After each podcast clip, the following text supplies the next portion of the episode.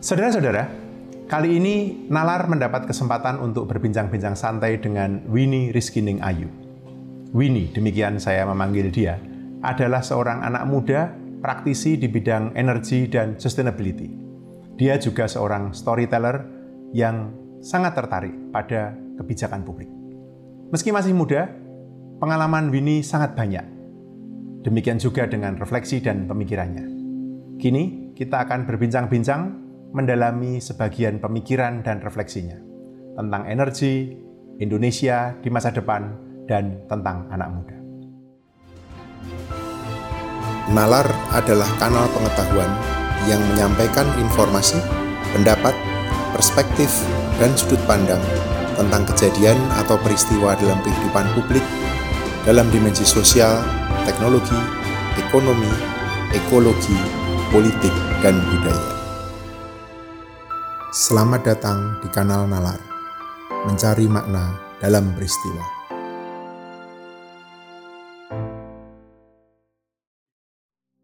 Winnie, selamat pagi.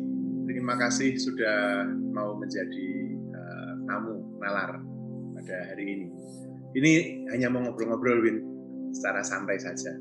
Uh, bisa nggak Winnie ceritakan sekarang ini uh, latar belakang pendidikanmu, pekerjaan yang sekarang sedang di lakukan, pengalaman selama ini apa? Sebelum kita ngobrol lebih jauh lagi nanti.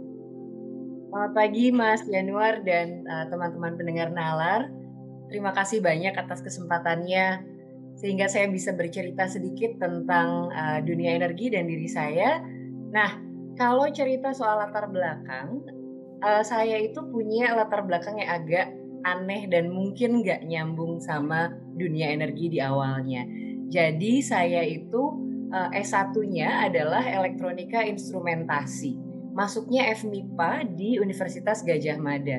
Nah, lulusan elektronika instrumentasi ini biasanya kerjanya untuk perusahaan-perusahaan uh, superkonduktor atau perusahaan-perusahaan elektronika, uh, Hewlett Packard, Intel dan kawan-kawan. Tapi ketika saya sedang uh, memasuki tahun akhir, waktu itu ada rekrutmen dari Schlumberger, salah satu oil field service terbesar di dunia. Dan saya ikut rekrutmennya hanya karena semua kakak kelas saya yang ada di kelas yang sama-sama saya itu waktu itu ikut rekrutmennya jadi kelasnya sepi. Terus pas masuk ke kelas, kok sepi? Semua orang ke mana? Oh semua orang rekrutmen Schlumberger. Oke, mari kita datang ke sana. Kebetulan aku waktu itu ada CV juga. Terus ikut rekrutmen, uh, singkat kata ternyata diterima di rekrutmennya gitu. Waktu itu aku sama sekali tidak punya ide apa sih bekerja di migas itu seperti apa sih sampai uh, ternyata tahu sendiri bahwa setelah mulai bekerja, oh pekerjaan saya itu nanti adalah menjadi field engineer, yang berarti seringnya saya adalah salah satu dari dua atau satu-satunya perempuan yang bekerja di kilang minyak lepas pantai. Waktu itu posisi saya adalah uh, drilling engineer, measuring and logging while drilling, yang artinya adalah saya terlibat di pemboran migas di Indonesia hmm. dan bukan cuma di Indonesia tapi juga di Asia Tenggara waktu itu. Jadi uh, selama tiga setengah tahun pertama dari karir saya, saya biasanya menghabiskan lebih dari sebulan berada di offshore maupun onshore, biasanya di tengah hutan mengebor minyak. Jadi itu berarti di sana banyak laki-laki semua dong, ya? Iya, kebanyakan lagi banyak perempuan, Berapa uh, banyak perempuan di sana? Biasanya kalau nggak saya sendiri, biasanya saya satu dari dua kalau ada engineer perempuan lainnya, atau satu dari tiga kalau ada geologis perempuan lainnya. Jadi cukup menarik karena sering kali uh, Maksudnya ada bapak satu dari tiga itu dari offshore kan nggak cuma tiga orang, pasti ratusan orang kan di betul, offshore. Betul, Satu dari tiga perempuan di antara. Satu dari tiga perempuan. Yes, out of sekian ratus orang laki-laki biasanya kayak 80 sampai 150 bapak-bapak dan mas-mas. Gimana rasanya Bintu? Uh, cukup menyenangkan dan juga membingungkan sebenarnya karena yang pertama uh, ada sense bahwa uh, saya harus bekerja biasanya dua kali lipat atau tiga kali lipat lebih keras hanya untuk dilihat pekerjaannya hasilnya sama. Karena sering kali ada notion bahwa oh uh, dia kan perempuan jadi uh, orang lebih lembek sama dia. Padahal ya saya juga waktu itu nggak punya kru saya kalau harus kerja fisik ngolor-ngolor kabel. Dan ketika aku bilang ngolor kabel bukan kabel setipis kabel charger ya tapi diameternya bisa 5 atau 6 cm segini bawa-bawa sensor dan lain-lain juga dilakukan sendiri uh, jadi cukup tricky sih. Jadi menempatkan diri di antara 80 sampai 100 bapak-bapak dan mas-mas yang lainnya uh, tetap performing tapi juga uh, tidak apa ya menarik perhatian dalam tanda kutip. Berapa uh, tahun kamu kayak gitu itu sebelum di lapangan memutuskan memutuskan tidak lagi di offshore tapi kembali ke daratan gitu. Uh, tiga setengah tahun saya di offshore mas jadi tiga setengah tahun itu juga belajar banyak sekali uh, hal sering banget dapat komentar ini bapakmu tahu nggak sih kamu di field kerjanya kayak gini kayaknya ada beberapa bapak-bapak di sana yang suka sedih kalau lihat saya bekerja fisik atau bersih-bersih unit dan lain-lain. Tapi uh, itu adalah salah satu pengalaman paling menarik sih di hidup saya kerja di offshore. Uh, refleksimu sendiri gimana dengan pengalaman itu sebagai perempuan muda hanya tiga orang atau sering kali satu orang di antara 150 bapak-bapak kerja seperti itu yang kamu rasakan apa yang dirasakan? Uh, jujur Mas, uh, saya belajar tentang bukan kesetaraan gender saja ya, tapi tentang bagaimana seharusnya perbedaan laki-laki dan perempuan atau gender itu tidak menghalangi seseorang dari mengoptimalkan potensinya masing-masing. Ketika uh, ketika seseorang mampu dan mau, harusnya harusnya dia bisa melakukan itu. Harusnya dia bisa melakukan itu uh, dan tidak ada halangan hanya karena jenis kelamin atau gendernya yang berbeda. Karena menurut saya semua orang punya kekuatannya sendiri-sendiri. Bahkan dibandingkan engineer perempuan yang lainnya, pasti kita berbeda dan punya strength-nya masing-masing. Uh, cuma kadang-kadang memang ada kerangka di mana uh, di mana ada apa ya ada pandangan oh dia kan perempuan enak nih pasti dibantu kalau mengerjakan kerjaan fisik atau uh, oh mungkin uh, Winnie sedang emosional karena uh, dia perempuan. Padahal ya itu emang ada masalah, bukannya saya emosional, tapi ini memang besar masalahnya dan kita harus escalate ke semua orang. Um, menurut saya seharusnya seharusnya di dunia saya yang ideal itu tidak ada panggilan engineer perempuan atau engineer laki-laki. Harus ya engineer ya engineer. Harusnya gender tidak menghalangi seseorang dari performing dan mengoptimalkan kemampuannya. Itu refleksi saya sih, Mas. That's very good reflection. Terima kasih, Win. Lalu sekarang yang kamu kerjakan masih berhubungan dengan energi atau sudah banting atau gimana? Ya, yang kamu kerjakan kayaknya? Kayaknya nih stuck sama energi. Jadi sesudah okay. bekerja di lapangan, uh, saya bekerja untuk salah satu perusahaan minyak asing waktu itu juga uh, posisinya agak-agak dalam tanda kutip mungkin tidak nyambung dengan background. Saya waktu itu bekerja sebagai petrofisis. Ini sebuah istilah yang cukup aneh, belum banyak orang di Indonesia yang jadi petrofisis. Basically petrofisis itu uh, pada dasarnya adalah fisikawan untuk bumi, uh, untuk menghitung keekonomian uh, resources atau sumber daya alam di bumi di dalam konteks migas.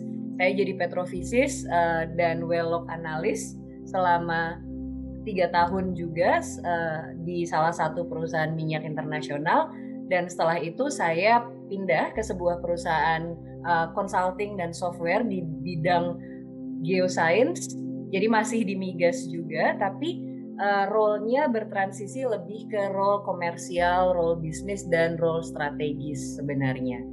Nah, setelah hampir 10 tahun lebih di migas dari 2007 sampai 2017 uh, saya memutuskan untuk mengambil satu tahun sabbatical jadi sabbatical leave karena di tahun itu saya berefleksi dan mau memutuskan Winnie di masa depan itu mau seperti apa dan mau jadi apa. Apakah saya mau terus di migas? Karena kalau terus di migas karir pathnya sudah jelas uh, waktu itu adalah uh, masuk ke senior management atau saya ingin memulai baru lagi belajar sesuatu. Dan setelah setahun sabbatical itu saya memutuskan untuk tetap berada di sektor energi namun mulai belajar dan merintis di bidang energi terbarukan. Lalu yang dikerjakan sekarang ini di uh, apa organisasi atau di uh, saya tidak bisa mengatakan perusahaan ya organisasi atau lembaga di mana kamu bekerja sekarang ini gimana kamu melihat ini dalam uh, karir trajektori dari dulu uh, di offshore kemudian bekerja di perusahaan multinasional sekarang bekerja di mungkin bisa cerita malah sekarang lembaga di mana kamu sekarang bekerja Ya, jadi saya ini sekarang adalah uh, hitungannya adalah public servant atau uh, pelayan publik karena saya bekerja untuk salah satu organisasi perdagangan, investasi dan komersial uh, di bawah sebuah kementerian uh, Kementerian Bisnis dan Inovasi dari sebuah negara di Asia Pasifik. Nah, di organisasi ini tugas saya adalah membantu bertumbuhnya bisnis dan investasi dari negara tersebut ke market internasional. Salah satunya market Indonesia. Ini cukup menarik karena sebelumnya ranah uh, menjadi pelayan-pelayan publik uh, dalam maksud di sini sayangnya saya masih menjadi pelayan publik uh, untuk negara lain bu, belum ya.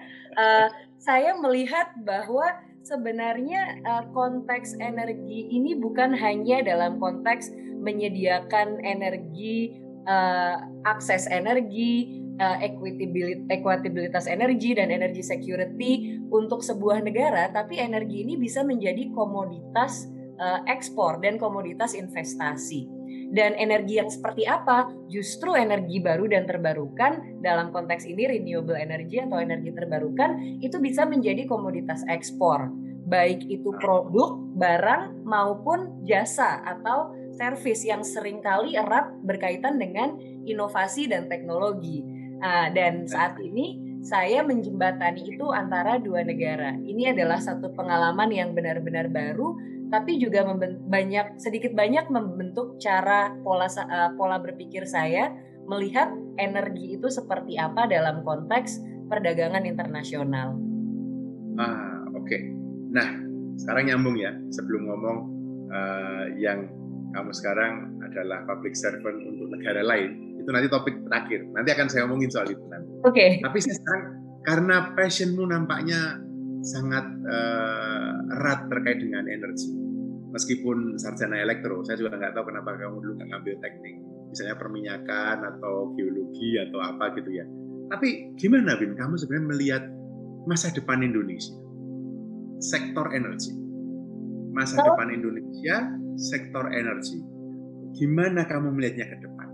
Misalnya dengan rencana negara ini mengembangkan uh, geothermal di awal pemerintahan Pak Jokowi lima tahun yang lalu. Tapi sekarang ada rencana lain, yaitu mengembangkan mobil listrik, uh, energi terbarukan yang lainnya seperti apa. Kamu sebagai orang energi, saya yakin uh, pasti punya pandangan. Nah, bayanganmu seperti apa? Masa depan Indonesia yang ideal, itu kayak apa? Yang ideal ya. Iya. Ini yang ideal versi bagian, bagian berikutnya adalah nanti gimana kamu optimis atau enggak itu bisa tercapai gitu kan. okay. juga baik baik oke okay. uh, eh, jadi mas kalau kita bicara soal energi ini versi Winnie ya versi saya individu terlepas dari uh, jabatan saya dan terlepas dari peran saya di organisasi sekarang jadi ini adalah pendapat individual uh, saya melihat betapa energi itu adalah uh, elemen penting sekali dalam hidup. Dalam teori donat ekonominya Kate Rathwood dari Oxford, uh, beliau mengatakan bahwa agar ekonomi kita bisa thriving ada dua hal yang harus ada dua koridor yang harus kita perhatikan. Koridor pertama adalah fondasi sosial yang di bawah, koridor kedua adalah langit-langit lingkungan yang di atas. Dan kita uh, ekonomi yang baik adalah ekonomi di mana kita thriving atau kita kita makmur berada di tengah dua itu, di tengah fondasi uh, sosial dan langit-langit lingkungan. Nah, ada dua hal ketika kita berbicara energi seringnya praktik kita selama ini mendapatkan energi untuk pembangunan itu memiliki harga lingkungan yang harus dibayar atau ada yang namanya environmental externalities yang jarang dihitung. Sehingga uh, beberapa kali cara kita mendapatkan energi ini tidak ramah lingkungan dan uh, berpotensi atau bukan berpotensi tapi sudah uh, mengancam batas-batas lingkungan yang tadi di, uh, dikatakan Kate atau uh, environmental ceilingnya uh, dan kita menyebabkan hal-hal seperti polusi udara, kenaikan suhu global dan lain-lain. Itu sisi pertama. Tapi di sisi kedua, energi itu juga sangat penting dalam membangun fondasi sosial. Salah satu uh, life essentials dari salah satu dari 12 life essentials teori donat ekonominya Kate Radworth itu adalah energi. Bagaimana akses energi yang merata, akses energi yang baik, akses energi yang bersih itu adalah salah satu modal dari fondasi sosial kita. Jadi di sini ada di sini energi menurutku bermain di uh, kesetimbangan yang cukup subtil, a very delicate balance menurutku, di mana kita perlu energi untuk membangun fondasi sosial, tapi juga bagaimana dalam mendapatkannya kita tidak memviolate uh, environmental ceiling gitu. Kalau uh, pakar-pakar energi di dunia bilang bahwa ada yang namanya energi trilemma. Ada tiga faktor dari sebuah sistem energi yang ideal. Uh, energy security, uh, misalnya kita source of energinya utamanya dari apa sih? Kita uh, sumber daya energinya uh, lalu apakah secure apakah cukup aman kita? Apakah Indonesia punya sumber energi yang cukup untuk semua orang? Itu yang pertama. Lalu ada energy equity. Energy equity itu di mana semua orang punya akses uh, yang equal dan equitable terhadap energi dan juga harga energinya reasonable. Tapi juga ada elemen ketiga yang kita tidak boleh lupa yaitu energi sustainability di mana seharusnya sumber energi ini berasal dari sumber uh, baru dan terbarukan. Jadi bukan hanya energi security dan energi uh, energi apa namanya tadi equitability, equitable access gitu, tapi juga dari mana kita mendapatkan energi ini. Nah, Energy Trilemma Index ini menurut saya skor Indonesia sekarang masih sangat bisa diperbaiki. Uh, sistem energi yang ideal di masa depan pastinya harus memenuhi tiga elemen itu menurut saya. Tapi juga ada satu yang mau saya tambahkan yaitu bagaimana kita melibatkan masyarakat dan komunitas lokal dalam energi sistem sebuah negara. Ini saya banyak belajar. Sistem tadi itu artinya ketegangan antara tiga faktor tadi dalam Betul. energi trilemma tadi. Betul. Uh, yang pertama bicara mengenai security, yang kedua equity dan equitability tadi, dan yang ketiga itu sustainability. Maksudnya sistem Betul. energi. Ya. Dan masyarakat harus terlibat. Oke. Okay. Uh, iya. Uh, jadi uh, segitiga itu adalah sebenarnya namanya energi trilemma. Tiap tahun uh, negara di dunia diskor, uh, mereka tuh uh, dinilai. Jadi gimana uh, ranking, ranking Indonesia gimana dalam trilemma uh, indeks uh, atau trade energy index ini? Oke, okay, jadi ranking kita itu sekarang masih ranking 56 sedunia. 56 sedunia. Iya, ranking 56. Um, Trilema skor kita itu adalah 66,8. Jadi di antara tiga tegangan itu uh, energi security kita skornya 67,9 dari 100 Uh, jadi kita dianggap ya cukup secure, tapi kalau ada apa-apa, ada disaster dan lain-lain, masih ada kemungkinan energi security kita buruk. Um, lalu energi equity, uh, akses uh, elektrifikasi dan lain-lain itu skornya naik. Jadi skornya sekarang jadi 72 dari 100. Uh, tapi skor kita paling kecil itu ada di environmental sustainability, di mana skor kita masih 64,5 dari 100. Jadi kita masih punya PR yang harus dikerjakan di environmental sustainability. Dan menurut saya ada satu tambahan lagi, poin ini tidak ada di energy trilemma, tapi uh, saya sebenarnya memimpikan suatu energi sistem di Indonesia di mana skor energi trilemma-nya bagus dan masyarakat kita komunitas lokal, masyarakat adat dan lain-lain itu memiliki peran aktif dalam energi. Jadi bukan hanya menjadi konsumen atau bukan hanya menjadi user, tapi bagaimana sebenarnya uh, energy generation, menghasilkan energi dan lain-lain itu bisa bukan hanya melibatkan tapi juga memberdayakan komunitas lokal dan masyarakat adat. Nah, seberapa optimis atau seberapa pesimis uh, visi atau gambaran ideal mengenai sektor energi di Indonesia tadi itu akan terwujud? Secara personal, aku ingin sekali jadi optimis. Jadi aku ingin sekali optimis terhadap uh, pengembangan energi baru dan terbarukan di Indonesia. Alasan pertama kak sesimpel karena lagu yang dulu tanah kita tanah kaya itu benar sekali. Sumber energi baru dan terbarukan itu ada di mana-mana. Matahari, angin, panas bumi karena kita berada di Pacific Ring of Fire, uh, hidro, mini hidro, mikro hidro, hidro yang uh, jumlahnya besar. Itu semua kita punya. Dan ketika kita punya capital atau kita punya modal, selanjutnya adalah apakah ada kemauan dan apakah ada uh, kapabilitas atau kemampuan. Jadi kemauan dan kemampuan ya untuk mengembangkan modal tersebut sehingga kita bisa mencapai sistem energi yang ideal. Nah, kemampuan dulu. Ketika kita bicara kemampuan, uh, renewable energy ini teknologinya sudah ada di fase di mana kalau kita pakai tiga fase dari dekarbonisasinya uh, dari Manchester University yang bilang bahwa ada fase yang namanya emergence, diffusion hmm. sama reconfiguration. Emergence itu teknologinya masih baru banget, emerging harus dikembangkan. Diffusion itu sudah terdifusi, sudah mulai scalable, market sudah mulai ada. Reconfiguration itu tahap terakhir. Nah, energi baru dan terbarukan ini teknologinya ini udah lewat fase emergence-nya. Jadi scalability-nya itu sudah bagus, keekonomiannya semakin ada, solar panel misalnya.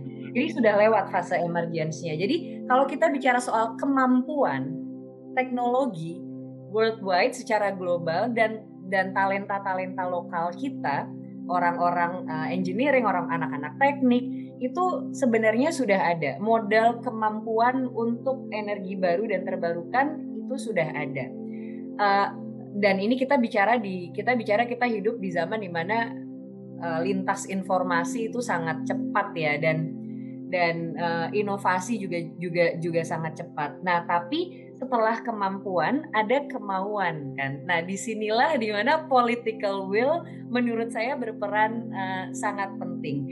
Ada tiga hal yang menurut saya penting dalam uh, strategi energi baru dan terbarukan. Yang pertama pastinya policies atau kebijakan. Yang kedua insentif. Apakah ada uh, sistem yang mau kita buat ini didukung? Yang ketiga adalah roadmap. Dan untuk ketiga hal ini Indonesia sebenarnya sudah punya roadmap. Kita sudah punya rencana uh, rencana energi untuk ke depannya. Kita sudah punya target uh, bauran energi di 2025 23 persen. Walaupun sekarang progresnya uh, kita harus masih mengejar sama-sama pemerintah, akademisi, swasta, masyarakat harus bekerja sama. Tapi menurut saya tiga hal ini sangat penting apabila kita ingin optimis Indonesia bisa mengalami energi transisi. Nah, jadi kamu pengen optimis ya? Saya inginnya optimis. Ya. Tapi menurutmu situasi sekarang ini masih banyak artinya PR yang harus dikerjakan? Situasi saat ini menurut saya masih sangat banyak PR yang harus dikerjakan. Melihat dari tiga hal itu saja, kebijakan kita harus lebih banyak lagi punya pembuat kebijakan yang bukan hanya mengerti satu elemen tapi multi elemen. Karena energi ini kita bicara tentang ekosistem yang tidak terpisahkan dari ekosistem uh, life essentials uh, donat ekonominya Kate Radworth yang tadi. Uh, kita hmm. bicara kalau kita bicara energi kita nggak bisa lagi hanya silo bicara soal teknis. Kita juga harus mengerti dinamika uh, masyarakat di tempat masyarakat yang kita mau bikin proyek pembangkit energinya. Bukan hanya mereka sebagai pemilik lahan atau orang yang hidup di sekitarnya yang dikasih CSR, tapi juga mereka sebagai bagaimana kita melibatkan peran aktifnya. Bukan hanya mereka sebagai konsumen. Um, terus energi kita juga nggak bisa lepas dari uh, sektor lingkungan. Uh, kita bicara energi, kita juga nggak bisa lepas dari sektor ekonomi. Jadi bagaimana kebijakan energi ini dibuat tidak hanya apa ya melihat pada sisi teknis energi atau sisi ekonominya saja atau sisi yang mana pun saja tapi pembuat kebijakan harus membuat kebijakan yang lebih holistik di bidang energi itu menurut saya yang kedua insentif Insentif dua insentif. Oke. Iya, insentif ini uh, penting apalagi kalau energi baru dan terbarukan secara global kita sudah keluar dari fase emergence, keluar dari fase menca bukan keluar ya, maksudnya tinggal meneruskan dari fase Nah, mencari teknologi mencari teknologi. Kita sudah masuk di fase difusi, di mana di fase difusi ini yang perlu diciptakan dan didorong itu adalah market. Jadi harus ada uh, market creating policy, kebijakan yang mendukung pembuatan pasar. Salah satunya adalah dengan insentif. Misalnya ada uh, procurement of renewable power. Misalnya uh, satu kondisi di mana oh badan pemerintah itu sumber listriknya harus renewable misalnya itu kan membantu menciptakan market atau insentif-insentif lain baik itu fiskal maupun non fiskal yang bisa diberikan kepada uh, industri dan ekosistem energi baru terbarukan. Jadi yang pertama kebijakan, yang kedua insentif. Yang ketiga pastinya roadmap apa pun itu roadmapnya harus jelas kita mau ke mana rencana pengembangannya seperti apa di sisi roadmap ini saya bermimpi salah uh, saya salah satu mimpi saya adalah suatu hari kita bisa memberdayakan daerah dalam melakukan rancangan uh, atau planning roadmap energi mereka. Bagaimana sebuah daerah itu bukan hanya sadar potensi energinya apa, tapi juga bisa melakukan uh, planning uh, rencana energi daerah untuk daerahnya masing-masing gitu. Bukan hanya roadmap nasional, nah. tapi kalau bisa ada roadmap daerah. Nah, kamu tertarik nggak sih masuk ke dunia kebijakan publik? Jadi pembuat kebijakan publik kan, menurut saya loh ya, saya cukup lama kan, meskipun tidak lama sekali bekerja sebagai bagian dari pemerintah membuat kebijakan, meskipun sekarang udah nggak lagi. Mungkin nanti akan balik lagi ke sana.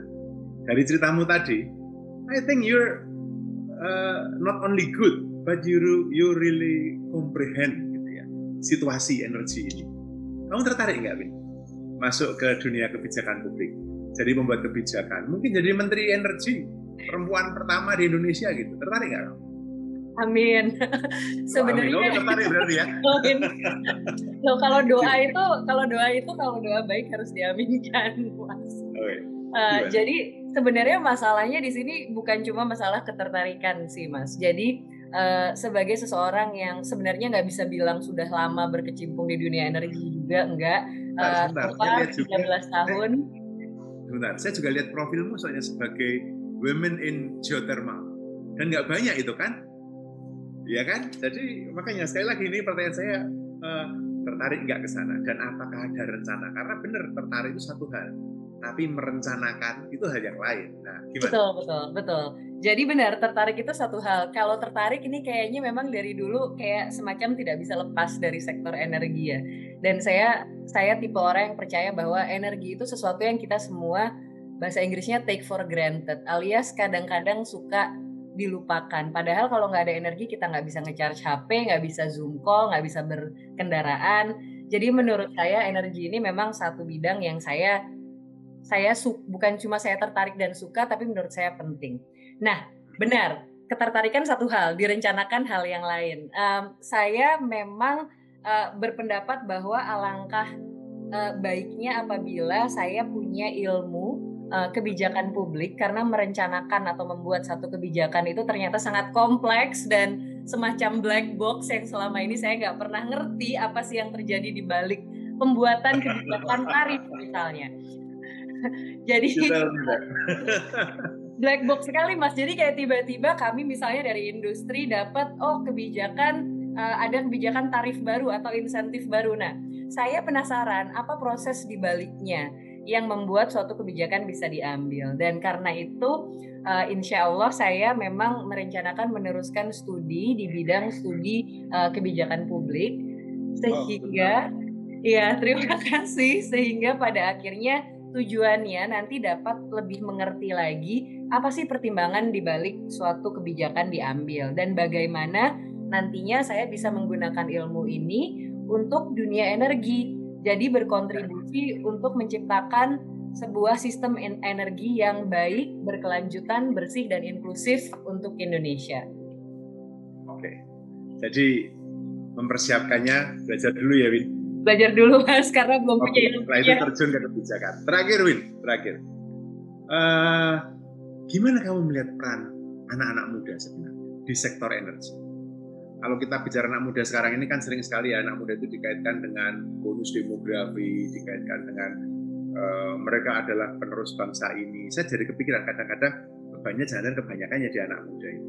Tapi saya mau tahu pendapatmu spesifik kamu masih muda, punya banyak potensi, uh, generasimu atau generasi di bawahmu, tapi saya mau melihat di sektor energi. Gimana Menurut saya anak muda sekarang, uh, baik itu yang seumuran maupun di bawah saya, itu punya beban yang lebih besar daripada generasi-generasi lainnya di dunia ini. Kenapa? Karena nanti kami yang akan hidup dengan konsekuensi krisis iklim itu yang pertama. Kami menghadapi kondisi ekonomi yang tidak pernah dihadapi generasi-generasi sebelumnya. Mungkin krisis ekonomi kita pernah hadapi, pandemi mungkin sebelumnya juga. Tapi kerusakan lingkungan ataupun krisis iklim yang terjadi sekarang itu sesuatu yang fenomena yang baru dan fenomena yang suka nggak suka generasi kami yang harus menghadapi dan generasi kami yang harus menanggung. Karena itulah menurut saya uh, sisi baiknya adalah generasi kami jauh lebih sensitif. Ini harapan saya ya, dan saya tahu bahwa teman-teman di luar sana juga banyak sekali yang sangat peduli tentang kasus krisis iklim ini. Generasi kami tumbuh menjadi generasi yang jauh lebih sensitif uh, terhadap perubahan lingkungan, terhadap krisis iklim. Beban kami adalah menjadi satu generasi yang inovatif, generasi yang empat berempati. Jadi bukan hanya berusaha menemukan solusi terhadap uh, krisis iklim, tapi juga bekerja bersama-sama sehingga tidak ada yang tertinggal dalam uh, struggle atau usaha menghadapi krisis iklim ini. Karena jujur orang-orang yang akan terdampak krisis iklim yang diciptakan salah satunya oleh uh, energi yang tidak berkelanjutan, energi kotor, itu adalah teman-teman dan kawan-kawan yang termarginalkan mereka adalah orang yang pertama yang akan merasakan efeknya. Jadi generasi kami harus tumbuh menjadi generasi yang bukan hanya inovatif dan berperan dalam uh, berinovasi di bidang energi dan mendukung terciptanya sistem energi yang baik, tapi juga secara tadi kalau kita bicara empati, bagaimana kita melibatkan semua orang dengan aktif uh, berperan dalam menyusun sistem energi ini jangan sampai kita cuma jadi konsumen, jangan sampai kita cuma jadi orang yang baca berita uh, polu tingkat polusi udara naik. Jangan sampai kita cuma jadi orang yang baca berita bencana terjadi uh, ada longsor karena overexploitation. Tapi Masih. harus mengambil peran aktif. Menurutmu generasi muda sekarang, anak-anak muda sekarang ini disiapkan nggak? Nah, ini pertanyaan saya, disiapkan nggak? Saya tahu harapan materi kayak gitu. Dan I think I think that's good. That's really really good. Good point ya. Pertanyaan saya berikutnya setelah dengerin tadi, anak-anak muda kita tuh disiapkan nggak ya ke sana? Jangan-jangan hmm. disiapkan jadi makin konsumtif. Jangan-jangan disiapkan untuk nggak makin nggak peduli, ya kan? Jangan-jangan atau tanpa sadar bukan secara sengaja disiapkan jadi tidak peduli, tetapi cara kita hidup seperti ini uh, tanpa sadar anak-anak kita. Saya sudah punya anak, Win, uh, remaja lagi. Jangan-jangan tanpa sadar anak saya nggak saya siapkan untuk menuju yang kamu pikirkan tadi. Menurutmu gimana? Uh, menurut saya, oke, okay, menurut saya, thankfully atau saya berterima kasih uh, kita hidup di satu masa yang pertukaran informasi itu gampang. Uh, banyak sekali informasi di luar sana, tapi saking banyaknya kadang-kadang kita nggak tahu yang mana yang penting. Nah, menurut saya uh, banyak sekali informasi di luar sana dokumen dokumentari, film, buku dan lain-lain yang memang uh, memberikan ilustrasi seperti apa sih krisis iklim ini. Bahkan berita-berita longsor, banjir dan lain-lain yang terjadi. Nah, alangkah baiknya apabila ini semua dimasukkan ke dalam satu sistem pendidikan. Bahkan sesimpel mengkompos sampah, mengurangi kan ketika kita bilang reduce, reuse, recycle, orang berpikir oh kita harus merecycle botol. Poin pertama padahal bukan merecycle. Poin pertama itu reduce, mengurangi konsumsi. Poin kedua itu adalah reuse, menggunakan kembali. Itu yang jarang uh, di highlight. Bahkan 3R ini pun setahu saya ya maaf kalau salah itu belum masuk di kurikulum atau cara kita mengkompos sampah atau sesimpel dari mana sih makanan kita datang, berapa banyak jejak karbon yang disebabkan oleh makanan, barang yang kita konsumsi. Nah, menurut saya pendidikan seperti ini harus dilaksanakan baik itu formal maupun non formal. Uh, teman-teman di luar sana uh, banyak sekali NGO, CSO yang awareness campaign-nya itu kampanye awareness-nya itu sekarang mulai targetnya adalah anak-anak muda. Karena ya tadi mau tidak mau kita zamannya anak-anak muda ini nih yang akan mengalami krisis iklim. Dan juga ketimpangan ekonomi uh, sangat terasa di siapa yang pertama kali kena krisis iklim. Dan uh, itu tadi jadi kita mau nggak mau harus membangun awarenessnya bersama-sama dan menurut saya di sini pemerintah harus mulai berperan aktif dalam menggaungkan adanya krisis iklim, menggaungkan adanya pentingnya science based atau inovasi dan lain-lain untuk bersama-sama melawan krisis iklim. Seperti itu. Win, terima kasih. Ini 30 menit yang menurut saya uh, kalau anak sekarang bilang daging semua ini isinya. Terima kasih atas waktumu dan saya yakin uh, pemirsa maupun pendengar yang uh, menyaksikan atau mendengarkan uh, kanal Nalar belajar banyak saya kira ini memang topik penting mengenai energi karena seperti kamu bilang tadi eh, mau tidak mau manusia modern zaman sekarang salah satu fundamen besar yang menyangga hidup mereka adalah energi.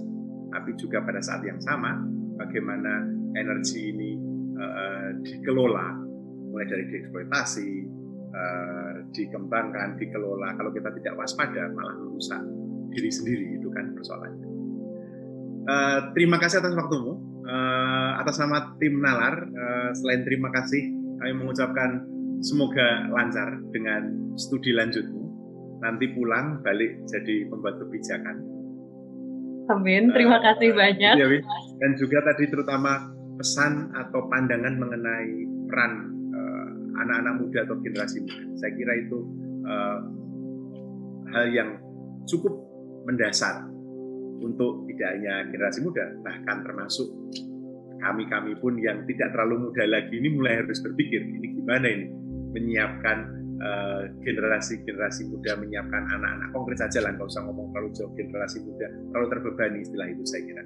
Tapi menyiapkan anak-anak muda, anak-anak kami sendiri ini seperti apa? Winnie sekali lagi uh, terima kasih atas uh, waktunya.